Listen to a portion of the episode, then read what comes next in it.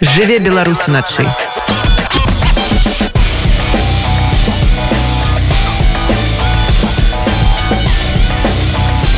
Беларускія ноцы.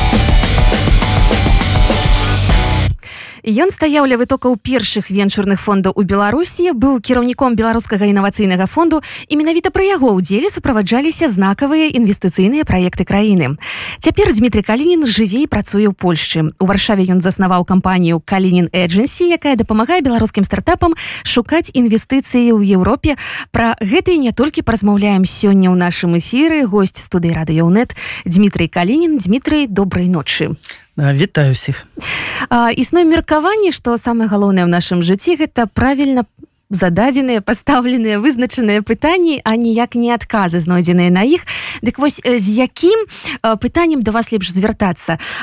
Дзе ўзяць грошы або як іх зарабіць Ну, я думаю, что и с одним и с другим вопросом, конечно, можно ко мне обращаться, но если исходить из тех запросов, которые чаще ко мне э, приходят, то, наверное, приходят люди, которые думают, что знают, э, на чем и как зарабатывать деньги, и скорее они бы хотели, э, чтобы я им подсказал, где найти деньги на то, чтобы воплощать их вот эти мысли в реальность, чтобы заработать еще большие деньги. А вам самому які больше подобается вариант и шлях? Ну, тут интересно работать, что называется, и по одному, и другому вопросу. Тут скорее важно понимать, что ты даешь вот ценность конкретному человеку, и в зависимости от того, каких компетенций, например, у него не хватает, и вот э, наполнять его, собственно говоря, вот этими недостающими компетенциями. Но можно сказать, что, наверное, большую часть э, времени и экспертизы все-таки есть в вопросе, где находить финансирование для реализации проектов.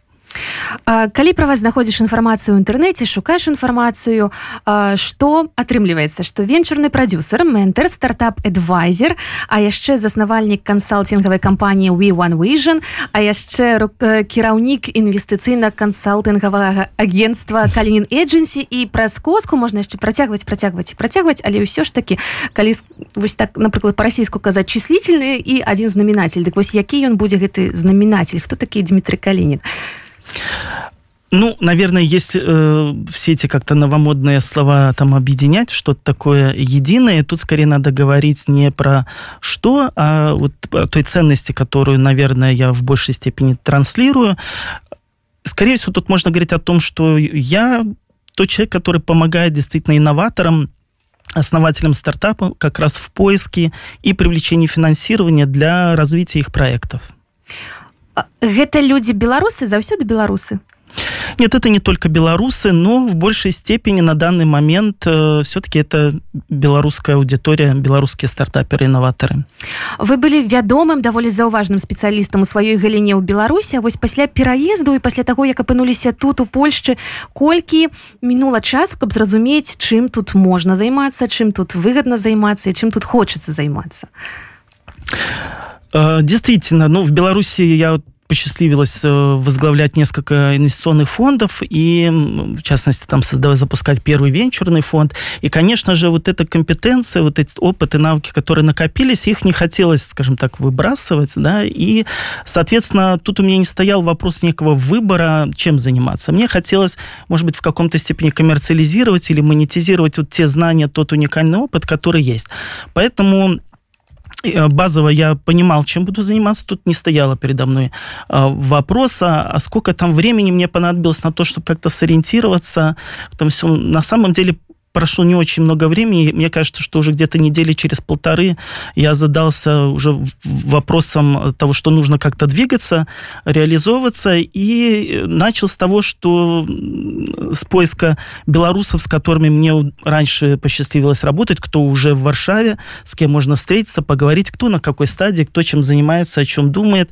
И уже, наверное, где-то вот спустя две недели, как я приехал, я поучаствовал в таком первом, что мероприятии, собрании белорусских предпринимателей. Там небольшой кружок собрался, кто только что переехал, кто там уже год прожил. И вот с этого, наверное, началась такая там бурная активность по вот нетворкингу, да, то есть по знакомствам, э, выяснять э, ну, какие-то возможные варианты применения себя и ну, распознавание действительно нужных, полезных людей. А вось гэтае знаёмства з людзьмі і ўвогуле адчуванні колькі іх тут зараз я памятаю мы з адным маім знаёмым размаўлялі і такая фраза э, паўстала што цікава ці застаўся хто-нибудь зараз у беларусі? То бок адчуванне што ўсе сёння тут. Так и есть. Это ощущение и у меня и очень многих с кем приходится общаться. Я больше скажу что вот ну варшава сейчас настолько кипит особенно вот в этой сфере в которой я работаю вот стартап индустрия венчурная тусовка. Часто ты здесь, в Варшаве, встречаешь э, людей, старых знакомых, гораздо чаще, чем ты встречал в Минске. В Минске ты мог раз в полгода в год увидеться с этим человеком, а здесь ты его встречаешь там уже вот, там, условно говоря, за полгода пять раз, шесть раз. Поэтому, да, такое ощущение, что все активные, бодрые, все здесь. стартап ці можна зарабіць на беларускіх стартапах у Польшчы і ці можна зарабіць беларускім стартапам у Польшчы Поясните вопрос. Имеется в виду э, сделать стартап в Польше белорусам? Mm-hmm. Да, э, я могу сказать так, что если уже и делать стартап белорусу, то, наверное, самое такое э, приятное и благоприятное для этого места это как раз э, Польша, Варшава, потому что, ну, все познается в сравнении, поэтому мы можем сравнивать, скажем так, экосистемы, которые были у нас в Беларуси, экосистемы польские, то есть те возможности, и, условно говоря, в Беларуси можно насчитать, как я говорю, там полтора венчурных фонда, и все. А в Польше их, скажем, около 200, и там польских больше 60, международные фонды. А это все ресурсы, которые, собственно говоря, могут наполнить вот этой энергией те идеи, проекты, которые а, делают белорусы. И я всегда вот на похожий вопрос отвечаю так, что представьте, вот если белорусы в Минске, ну, в Беларуси, при той экосистеме небогатой, бедной, которая была творили такие чудеса, запускали всемирно известные проекты, то что вот мы, белорусы, можем сделать, когда у нас э, вот э, эти, этих возможностей гораздо несопоставимо больше. То есть здесь, а, в Польше, мы скорее можем развиваться не вопреки чему-то, а как раз благодаря чему-то.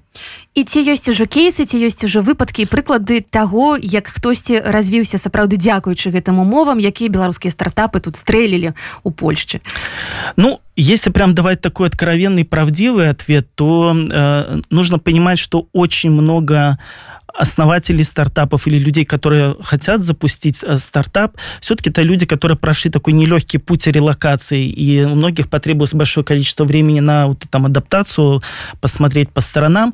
Поэтому скорее мы можем говорить про то, что сейчас мы видим как раз зарождение вот такой бурной вот этой поросли, да, которая только начинает взрастать. Еще, ну, наверное, нету на слуху таких супер кейсов, которые бы белорусы в Польше уже прям выстрелили.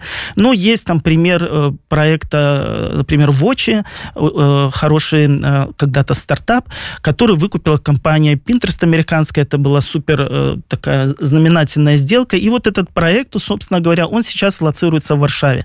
Но это не та история, когда ребята с нуля там в Варшаве взращивали себя, но тем не менее продолжают активно, бурно развиваться именно на уже польской земле. И перспективы вы бачите. Да, это все всемирной перспективы, это не локальная история.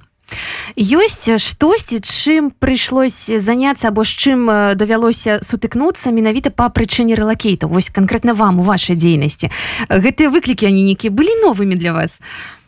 Ну я точно могу сказать что э, э, релокация она в каком-то смысле заставила быть наверное чуть даже не чуть а гораздо более открытым и проактивным. Но открытым в той части, что ты понимаешь, что когда ты вот в новой среде, сила может быть только вот в тех знакомых, в тех людях, с которыми тебя что-то связывает. Это какой-то обмен энергиями, обмен ресурсом обмен знаниями, и поэтому либо ты открываешься и сам где-то проактивно наводишь мосты, либо ты изолируешься и как бы консервируешься вот в таком своем э, состоянии.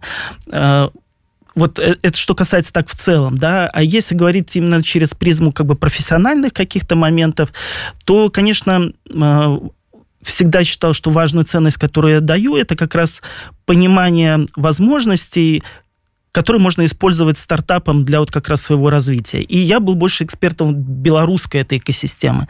И, конечно, приехав сюда, нужно было разбираться в экосистеме польской, и здесь, к своему я удивлению, обнаружил, что ну, здесь несопоставимо больше этих возможностей, и, и то, что отсутствует Э, в странах СНГ, а в Польше есть, это огромное количество грантовых программ, то есть это безвозмездное финансирование проектов на ранних стадиях. В Беларуси проекты на ранней стадии практически никем не поддерживаются и не финансируются. Здесь мы насчитываем э, порядка 100 э, программ ежегодно, и, соответственно, я обратил внимание, что вот эта возможность, которую белорусские стартапы еще не используют, она им мало знакома. И я в каком-то смысле на себя взял там определенную миссию в том, чтобы разобраться с этим и помогать как раз белорусским проектам находить вот такие источники финансирования. И здесь, благо, там волю случаю, я как раз познакомился с... Э, это как раз тоже про открытость со своим уже теперь таким стратегическим партнером э, Софией Дробышевской, которая белорусская, уже несколько лет э, живет в Варшаве, активно интегрирована в стартап-экосистему польскую. И мы совместно как раз собрали такую команду, которая сейчас и помогает белорусским проектам в том, чтобы подходящие будущее для них э, грантовые программы находить, э, там может как-то упаковывать эти проекты и помогать сопровождать в получении финансирования. Штосьці змянілася на гэтым шляху пасля 24 лютага Ну и да и нет Э, понятное дело, что изменилось с одной стороны все, э, вот, э, но, скажем так, какие-то изменения в части вот такой предметной, профессиональной, они скорее были такого временного характера. Понятное дело, что там весной заявки те же вот на гранты от белорусов, они в каком-то смысле либо замораживались, либо целенаправленно грантодатели не хотели, скажем так, педалировать их рассмотрение, потому что непонятно, к чему это приведет. Э, сейчас эта ситуация уже выровнялась, и в целом даже в какой-то момент ходила Ходили слухи, что белорусам уже там не дают гранты, инвесторы против этого. Э, сейчас мы видим, что уже эта ситуация, как я уже сказал, выровнялась. Уже в целом белорусские заявки воспринимаются в том же режиме, как и любые другие польская э, вось гэта бюракратыя это абсалютная легенда канешне для нас беларусаў але як усё адбываецца ў вашай сферы наколькі доўга гэтыя заявкі могуць разглядацца вось гэтыя тэрміны яны такія ж як і ў любой краіне ці ёсць нейкія ўсё ж таки нацыянальная асаблівасць все познается в сравнении. Кто знаком с белорусской э, бюрократией, особенно в этой профессиональной сфере, тот э, не удивляется бюрократии польской. Она, безусловно, есть. И это такой серьезный, э, как сказать, ну, это даже не барьер, ну, это особенность, да, но по сравнению с белорусской, понятно, что здесь это гораздо все проще. И если предметно говорить про цифры, то вот по грантовым э, заявкам, скажем так, грантодатели где-то в течение месяца полтора-двух уже дают ответ о том, что проект получает финансирование, не получает от момента подачи заявки. Это вполне нормальные сроки, то есть в целом в инвестиционной среде венчурной считается, что э, привлечение финансирования, структурирование сделки занимает должно там где-то от двух недель до нескольких месяцев, если это там венчурный фонд. А сейчас с текущей обстановкой такого инвестиционного, что ли, голода на рынке из-за там э, ряда особенностей из сужения мировой экономики. В целом сделки от двух недель уже где-то на 2-3 месяца растягиваются вообще в целом по миру. Поэтому вот эта польская бюрократия здесь вы, выглядит вполне себе среднестатистической по мировым меркам. Калинин Эдженси, с яким запросом до вас найчасцей звертаются и с якими, магчыма, запросами вам найбольш падабаецца працаваць? Я стараюсь э, работать, исходя как раз из запроса, да, то есть чем ко мне приходят, я пытаюсь оценить, могу ли я быть тут полезным, и если могу, то, соответственно, уже начинаю работать. Но если отвечать, ну и чаще всего приходят с запросом, э, мы хотим привлечь финансирование, инвестиции. Потом уже в процессе диагностики проекта часто выясняется, что проект еще не готов привлекать деньги, где-то там бизнес-процессы нужно наладить, где-то упаковать проект, э, еще что-то, может быть, выстроить видение фаундера, и тогда вот этими вопросами, собственно говоря, и занимаемся. И уже после идет процесс там, привлечения инвестиций. А если отвечать, вот с чем интереснее э, работать, то есть определенная категория фаундеров, основателей проектов. Это как раз такие люди, технари, умницы, у которых есть какой-то вот э, бэкграунд, опыт э, в, там, в каких-то интересных технологических сегментах, но они абсолютно не понимают, как э, какую-то бизнесовую часть привязать к этому проекту, как зарабатывать на этом, как выстраивать э, вот то, что они делают, именно как полноценный бизнес-проект, и уж тем более, как общаться с инвестором, и продвигать ему проект. Вот с такими ребятами, с такими запросами особенно интересно работать, потому что ты понимаешь, что ты причастен к некой потенциально большой истории, которая, ну, как любят говорить, там, изменит мир, хотя бы которая имеет возможность повлиять на изменение мира к лучшему, и ты своей деятельностью фактически придаешь какой-то импульс и энергии таким проектам. Магчыма можна некалькі прыкладаў. Я ведаю што мы дамаўляліся на пэўны спіс пытанняў але можа быць все ж такі вось якія гэта ў перспектыве праекты могуць змяніць свет? Хто да вас зараз звярнуўся і з кім працуеце? Ну, я тогда так скажу тех, которые вот э, мне кажется действительно на данный момент наиболее интересными из тех, которые мне э, посчастливилось поработать. Мне очень нравится проект э, Clever Point, например, это проект, который использует VR-технологии для того, чтобы фактически через там, определенную геймификацию в виртуальном мире снимать э, э, физиологические показания человека полностью. И, исходя из этого, может давать э, такую характеристику, портрет психотипа человека. И это можно использовать, например, в там, найме сотрудников или работы с персоналами, улавливать на ранних стадиях там, процессы выгорания человека, стресс и прочее, и, соответственно, подбирать для него какой-то режим, например, отпусков, отдыха или в целом работы с ним и так далее. А, есть проект, эм, называется VR, это тоже использование там, дополненной э, виртуальной реальности в сфере подбора одежды онлайн примерки. То есть проект разрабатывает технологию, которая в виртуальном мире позволит повторять физические свойства ткани одежды. И, соответственно, мы можем не ходить в магазины примерять что-то, а уже в виртуальном мире надеть на себя платье, и чтобы это было не просто как какая-то картинка, а чтобы, там, условно говоря, шелковое платье также развивалось легко, как это было бы в реальной жизни. Но это позволит изменить во многом, во многом пользовательский опыт как раз людей вот в онлайн-магазинах в частности.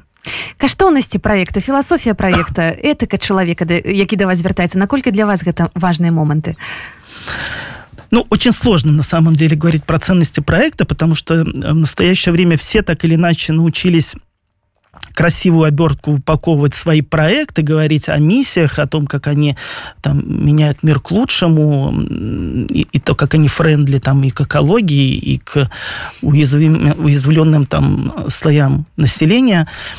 Поэтому я для себя скорее исхожу из того, что, особенно если мы говорим про ранние стартапы, это, как правило, проекция ценностей и психологии основателя. И тут мы скорее как раз говорим про те ценности, и черты, которые есть у самого основателя проекта. И здесь, конечно же, приходится встречаться с абсолютно разными людьми. И я понимаю, что очень для меня ценным и важным все-таки являются люди, которые именно если мы про ценности, какие-то характеристики говорим, которые могут брать на себя ответственность и нести ответственность. Я могу привести тут пример, о чем я говорю. В частности, вот в стартап-среде принято, что там из 100 проектов э, там условно говоря, 95 в итоге погибают в неравном бою, то есть банкротятся, и только там 1, 2, 3 процента выстреливают. Соответственно, это как бы норма по рынку. И инвесторы, когда вкладывают такие проекты, они изначально понимают, что они берут на себя эти риски, и вероятнее всего, что этот проект прогорит, но есть шанс, что он выстрелит. И вот э, на моем э, опыте есть несколько проектов белорусов, которые привлекли инвестиции в свои супер идеи, в свои супер проекты, но так оказалось, э, к сожалению, что они оказались вот в том числе тех проектов, которые не совсем выстрелили так, как они на то рассчитывали. И фактически тут нужно было либо как такой стартап стартап-зомби продолжать что-то делать, но уже перспектив особо не было, либо закрываться. И вот фаундеры, во-первых, нашли в себе смелость сказать инвесторам и прежде всего самим себе, что с этой дохлой лошади пора слезть, но что важно, несмотря на то, что они по договору не обязаны были инвесторам ничего возмещать и возвращать, вот э, эти а, основатели, они все-таки решили, что их репутация очень важна, и они сказали, что, ну, может быть, не прямо сейчас, по частям, со временем, но мы обязуемся вам, как инвесторам, вернуть те вложения в каком-то объеме, которые вы вложили. Это не совсем правильно, на мой взгляд, ну, как э, с точки зрения бизнеса подход, но с точки зрения как раз человеческих ценностей это очень важно. С такими людьми дальше будет хотеться работать, потому что ты понимаешь, что человек ответственен за любые свои шаги и действия. Не так давно в своем инстаграме вы написали «Особое чувство, когда ты ощущаешь ценность того, что даешь, и теплоту той энергии, которую получаешь в ответ». А, гэтые словы вы написали после сустрэчы суполки «Вистарт». Что это за проект и чему он вас так натхняет? А, да, это WeStart э, наше сообщество, э, там в английской интерпретации мы его называем как э, startup fundraising community, то есть это фактически сообщество прежде всего стартапов, но мы уже добавляем сюда и инвесторов, и экспертов, которые заинтересованы, либо интересуются как раз привлечением финансирования. Мы постарались собрать э, не просто очередное сообщество, да, где были бы э, абсолютно раз, разные люди, а все-таки такое сфокусированное э, сообщество людей, которые заточены именно на решение конкретной проблематики, это привлечение финансирования в свои проекты, либо это инвесторы, которые это финансирование могут дать читать. И, собственно говоря, вот такое сообщество мы запустили буквально в начале сентября. А с точки зрения вот вдохновения, о котором вы говорите, Порой просто такие проекты ты начинаешь э, делать и до конца, может быть, не осознаешь ту ценность, которую ты делаешь. Ты просто делаешь, потому что тебе вот кажется, что так правильно. И вот мы на днях провели э, первое наше офлайн э, мероприятие как раз в рамках сообщества Вистарт. И когда к тебе подходят э, люди и начинают э, благодарить за ту, условно говоря, миссию, которую ты несешь, хотя, может быть, даже ее не осознаешь, миссию как раз поддержки белорусов в той части, что ты им показываешь, что у них есть возможности реализовывать их проекты, чтобы они ушли из этой рефлексии, самопоедания какого-то в сторону развития, и для этого все есть, и ты как бы им показываешь, что вот оно, берите и делайте. И в такой момент ты, конечно, понимаешь, что действительно в этом есть важная какая-то и миссия, как бы громко это ни звучало, и ты вдруг понимаешь, что действительно то дело, которое ты делаешь, оно приносит реальную ценность, э, приносит реальную пользу конкретным людям. І там яшчэ ёсць словы пра не да канца абаснованую матывацыю што часамі можна так прыняць і за інтуіцыю любы філолог скажа што спадзявацца на інтуіцыю апошняя справа трэба пераправяраць трэба ведаць рэгулы трэба ведаць правілы а у вашай сферы інтуіцыя гэта што? І яшчэ одно пытанне ў звязку з гэтым як вам падаецца ці ёсць яна у вас? Мне кажется, что у меня есть интуиция, но на самом деле я долгое время старался ее не руководствоваться, как раз поскольку я человек из науки, я всегда был сторонник того, чтобы как-то подтверждать, находить обоснование каким-то вещам. Но потом в какой-то момент я понял, что, возможно, интуиция это скорее Э, когда в нас говорит уже накопленный опыт, и, и мы просто это воспринимаем как вот что-то такое, это внутренний голос или вера во что-то. А на самом деле, вот опять-таки в научной среде есть такое понятие, как чувствовать на кончиках пальцев. Это когда ты, может быть, и даже уже и не можешь где-то обосновать свое решение или свое какое-то там видение, но ты прямо его чувствуешь. И вот в данном случае, если что касается моей там профессиональной роли как инвестора и сейчас уже как такого стартап-эдвайзера, ментора. Э, дело в том, что за это время через меня прошло там порядка тысячи проектов, и в какой-то момент ты уже по первым минутам общения с, со стартапером ты где-то уже чувствуешь действительно, во-первых, его какие-то характеристики как фаундера, на что он способен. Ты уже где-то чувствуешь перспективы этого проекта, в какой части он, скажем так, не дотягивает. Хотя ты еще, может, даже не дошел до тех блоков, которые об этом должны говорить. И чаще всего, если не практически всегда, это оказывается, ну, так и есть, э, подтверждается. Поэтому я бы сказал, что, наверное, интуиция это вот такой основаны на опыте какое-то видение ситуации. А пролічыць спрагназаваць тому что прогноз таксама во многіх сферах это такая справа вельмі э, няўдзячная Вообще считается, что в инвестиционной среде, конечно, вот э, способность там четкого расчета, просчета там и прочее, это очень важно. И, как я уже сказал, большое количество проектов э, прошло, в которых пришлось поучаствовать в разных ролях. И за вот то время уже, наверное, больше 10 лет я в этой сфере, я, наверное, не видел ни одного проекта, в котором бы расчеты в его бизнес-плане хоть как-то оправдались. Вот э, буквально, наверное, ни одного проекта такого нету. Поэтому мне кажется, что вот э, такой э, расчет, он нужен, но он немножко, его значимость преувеличена. Для меня гораздо важнее, когда у основателя стартапа, у инноватора, вообще в целом предпринимателя есть скорее какое-то стратегическое видение, видение перспектив, куда он идет.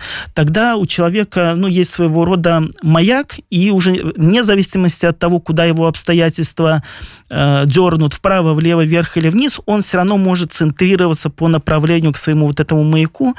Он э, видит главную цель и как там, например, тренды рынка будут развиваться, и уже неважно, какие мелкие шероховатости и движения на этом рынке происходят. Главное, что он предугадал этот путь. Собственно говоря, все инвесторы, наверное, и хотят увидеть в основателе стартапов прежде всего эксперта с таким вот видением рынка или видения какого-то там сегмента, отрасли или технологии. Но таких, конечно, не очень много. Для старта стартапа любой час сприяльный? Ну, э, здесь надо говорить, что, конечно, э, есть такая фраза о том, что самое лучшее время для начала в целом бизнеса и стартапа это было э, вчера, вот, а следующее лучшее время это сегодня.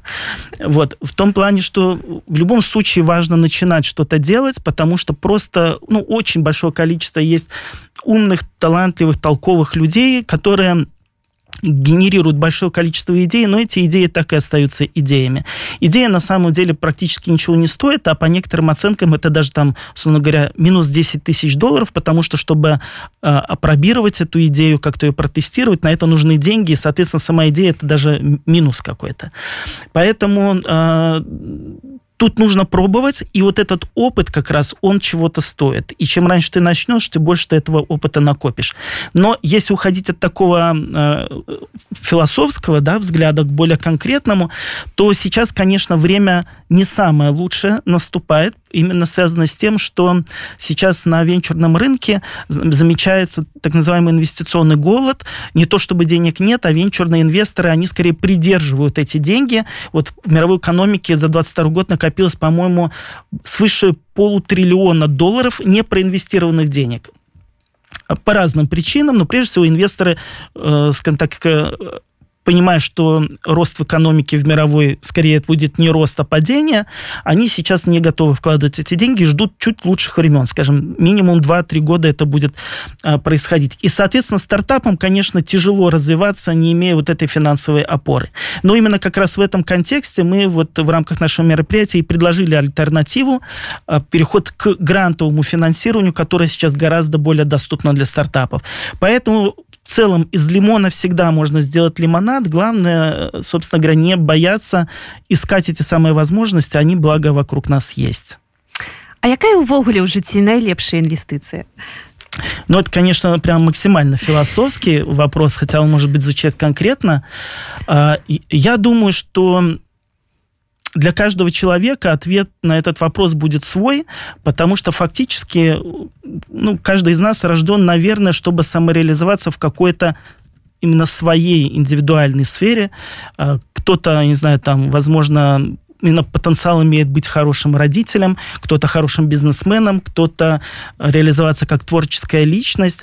И естественно, что лучше всего инвестировать время и деньги именно в такую сферу, для которой ты создан. Поэтому, если отвечать чуть более, опять-таки, предметно, мне кажется, что идеально, если бы мы смогли э, инвестировать прежде всего свое какое-то время, а возможно и средства на то, чтобы достигнуть некой осознанности в нашей жизни. В том плане, что осознать прежде всего себя, как раз понять, а в чем вот э, твое предназначение здесь, и уже потом тогда и деньги, и время, и прочее можно инвестировать именно вот, вот в себя в части вот такого осознанного понимания своей природы.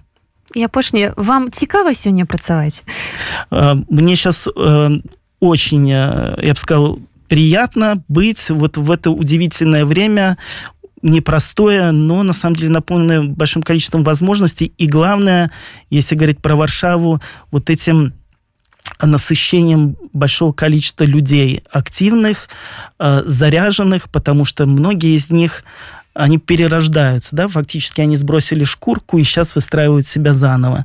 И быть в этих процессах очень интересно. Кандыдат эканамічных навук, венчурны прадюсер, кіраўнік кансалт-агентства калінін эджэнсі Дмітрий калінін быў сёння разам з намі на радыёнет вялікі дзякуй за размову. да, дзякуй вялікі. Жыве Беларусь уначы.